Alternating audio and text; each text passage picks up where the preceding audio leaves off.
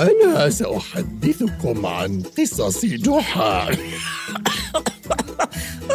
لا لا تسرحت يا شلهوب.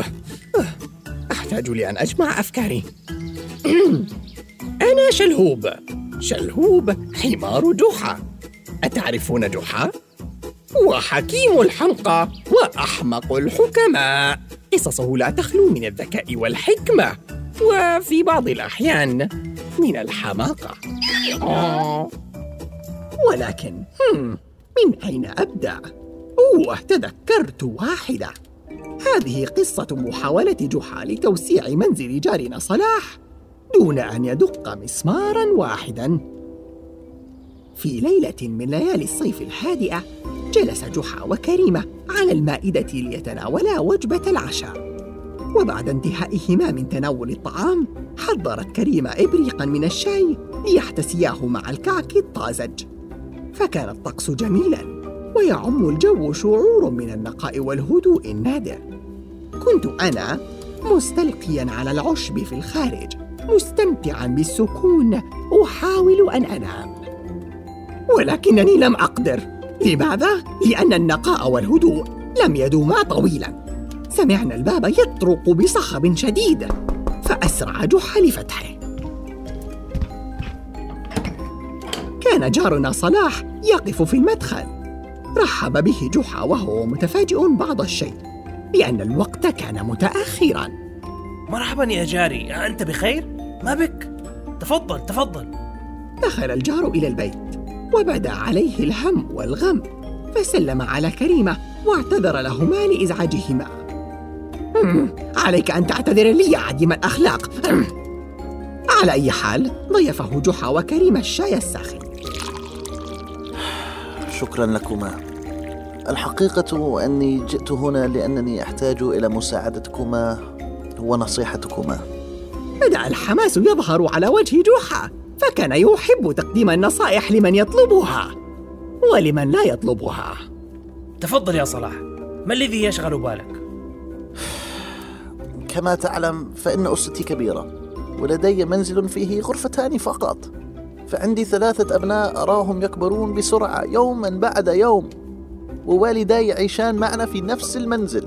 أضف لهما زوجتي وأنا فنصبح سبعة أشخاص يعيشون تحت سقف واحد. فكما ترى المنزل صغير لا يسع أسرتي الكبيرة. ولا يمكننا العيش هكذا للأبد. وحاولت أن أفكر بأي حل لهذه المشكلة ولم أجد. فقلت لنفسي من في مقدرته أن يعطي نصيحة أفضل من جحا وكريمة؟ ولهذا جئتكما. لم يكتفي بإزعاج نومي بل عليه إهانتي بعدم ذكري لمساعدته. أنا ملك النصائح. حزنت كريمة على حال صلاح وقالت له بالطبع سنساعدك إن تمكنا يا صلاح ولكن قل لي بما تفكر ألا يمكنك توسيع البيت؟ فكرت بذلك. لكنه مكلف وليس لدي المال الكافي لذلك. كان جحا يستمع بتمعن ولكنه لم يقل شيئا بعد وأكمل صلاح. لا أدري ماذا أفعل حقا فأنا لا أنام من ازدحام المنزل ولا أجد مكانا لأتمتع ببعض الخصوصية. فكر جحا مليا بما قاله صلاح ثم سأله. هل لديك حيوانات تطعمها؟ استغرب صلاح من السؤال وأنا استغربت أيضا. فما قصده؟ هل كان يريد المزيد من الحيوانات؟ أو استبدالي؟ أه أجل؟ لدي ثلاثة دجاجات ومعزتان وبقرة. لماذا تسأل؟ تحمس جحا وصفق بيديه فكان قد وجد الحل لمشكلة صلاح.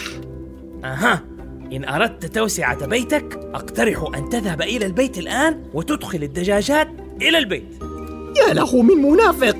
يبدو أنه الكيل بمكيالين فلم يرضى جحا أن أنام أنا في داخل البيت إلا في الشتاء. بحجة أن لدي بيتا صغيرا في الحديقة. الأثاث في البيت أجمل بكثير.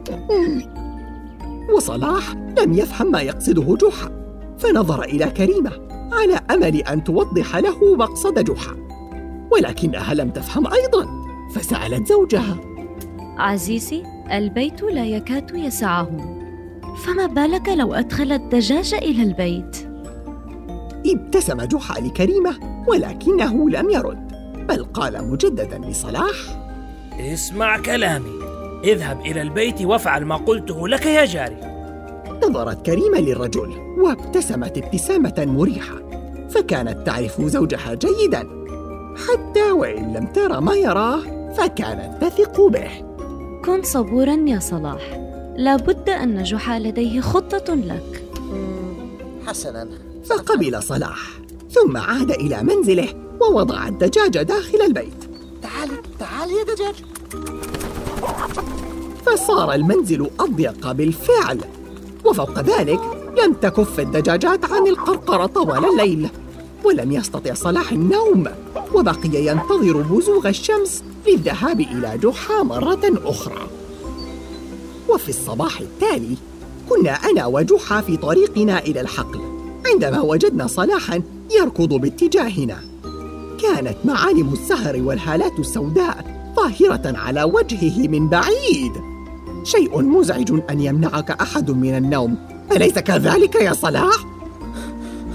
جحا صديقي. ماذا فعلت بي؟ فعلت كما قلت وأدخلت الدجاج إلى البيت فصار أضيق وأكثر ازدحاما ابتسم جحا ابتسامة عريضة ووضع يده على كتف صلاح وقال أحسنت يا جاري أحسنت؟ ألم تسمعني يا جحا؟ المشكلة صارت أسوأ امشي معي فأكملنا طريقنا وصلاح يمشي معنا مستغربا ويائسا فسأله جحا قلت لي البارحة أن لديك معزتين أليس كذلك؟ أه نعم يا جحا لدي معزتان. إذا اذهب إلى البيت وأدخل المعزتين وسترى أن المشكلة ستختفي. ولم ينتظر ليرد صلاح. بل أكملنا طريقنا وتركنا المسكين في أكمل حيرة. فرح صلاح في طريقه وهو يقول لنفسه لابد أن جحا لديه خطة. وعاد إلى البيت. وأدخل المعزتين إلى البيت فأصبح البيت فيه سبعة أشخاص وثلاث دجاجات ومعزتان. ولم يبق مكان فارغ في البيت على الإطلاق. والمعزتان تتجولان في كل أنحاء البيت وتطرحان الأواني وتجادلان الدجاجات ولم يستطع أحد أن ينام تلك الليلة. وفي صباح اليوم التالي ونحن في طريقنا إلى السوق رأينا صلاح يهرع باتجاهنا والهالات السوداء حول عينيه أكبر من البارحة. فبقي صلاح مستيقظا طوال الليلة من الضوضاء. فأوقفنا صلاح وقال جحا هل أسأت لك في شيء يا جاري؟ لقد أدخلت المعزتين إلى البيت كما قلت ولم تكن هناك فائدة. ولكن بالعكس أصبح الوضع أسوأ من قبل فلم يعد هناك أي مكان فارغ في البيت. ولم نتمكن من النوم طوال الليل. وقف جحا والتفت إلى صلاح وقال له بكل هدوء جاري أليس لديك بقرة أيضا؟ هز صلاح رأسه فعرف ما يقترحه جحا لا لا لا لا لا يا جحا. لا تفكر بالموضوع حتى. أنت تعرف ما عليك فعله. لماذا تكرهني يا جحا؟ أنا لا أكرهك إطلاقا يا جاري. بل أحاول مساعدتك. ثق بي. أدخل البقرة البيت. ستشكرني لاحقا. فأكملنا طريقا. وتركنا صلاح مجددا. يتمتم بينه وبين نفسه. شكرا يا جحا. شك شكرا جحا. شكرا إن جحا. كان هدف جحا أن يفقد جاره عقله فقد كاد ينجح بامتياز. ثم رجع صلاح إلى بيته وهو يذكر نفسه ويقول لابد أن جحا لديه خطة. لابد أن جحا لديه خطة. وأصبح البيت الآن فيه ستة حيوانات ثلاث دجاجات ومعزتان والآن بقرة.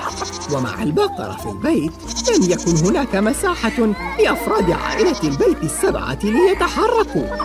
والبقرة استولت على غرفة نوم صلاح وزوجته. لم يتحمل صلاح الوضع. ولم ينتظر الصباح هذه المرة.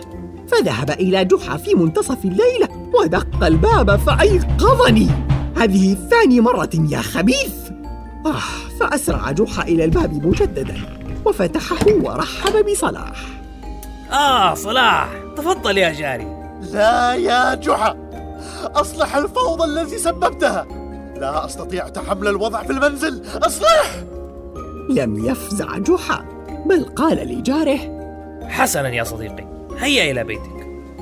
فذهبا إلى بيت صلاح ووقفا خارجه والضوضاء من الداخل مسموعة من باحتنا. فقال جحا لصلاح ما عليك إلا أن تدخل إلى البيت وتخرج الدجاجات والمعزتين. والبقرة؟ لا البقرة تبقى. فركض الرجل إلى البيت فورا وفعل ما قاله جحا أخرج المعزتين أولا وهما تحطمان كل ما هو مصنوع من زجاج أثناء خروجهما.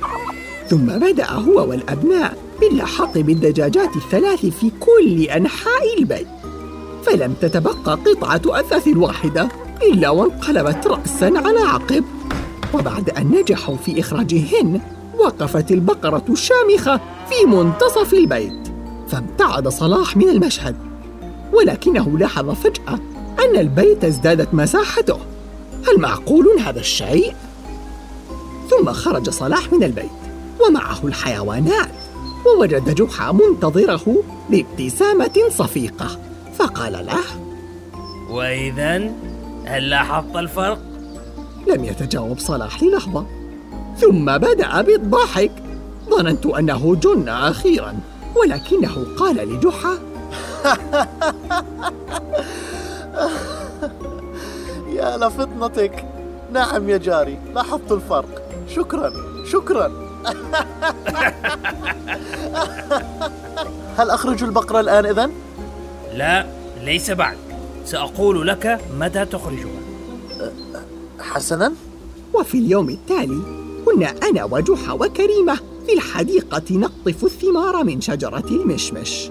فكانت كريمة تريد خبز فطيرة. وإذا بصلاح يمشي إلينا سعيدا وبحماس ولا أثر للهالات تحت عينيه. يبدو أنه نام نوما هنيئا تلك الليلة. فعانق جحا وقال له شكرا شكرا لك يا جحا. كن نمنا بارتياح الليلة الماضية. استطعت أن أنام أخيرا دون أن يكون هناك دجاجة تذكر وجهي. وأبنائي لم يضطروا لأن نتشارك نفس الفراش للنوم لفسح المجال للمعزتين ابتسمت كريمة من السعادة فخطة جحا قد نجحت وقال له جحا الآن أخرج البقرة من المنزل. وكم فرح صلاح من هذا الخبر وضحكت كريمة وأضافت ونظف المنزل جيدا وتبرع بالأغراض والأشياء التي لا تستخدمونها. نعم وسترى البيت يصير أكبر وأكبر. شكرهما صلاح مرة ثانية وعاد إلى البيت وأخرج البقرة وطلب من كل أفراد العائلة المساعدة في تنظيف البيت وفرز الأغراض التي لا يستخدمونها للتبرع بها.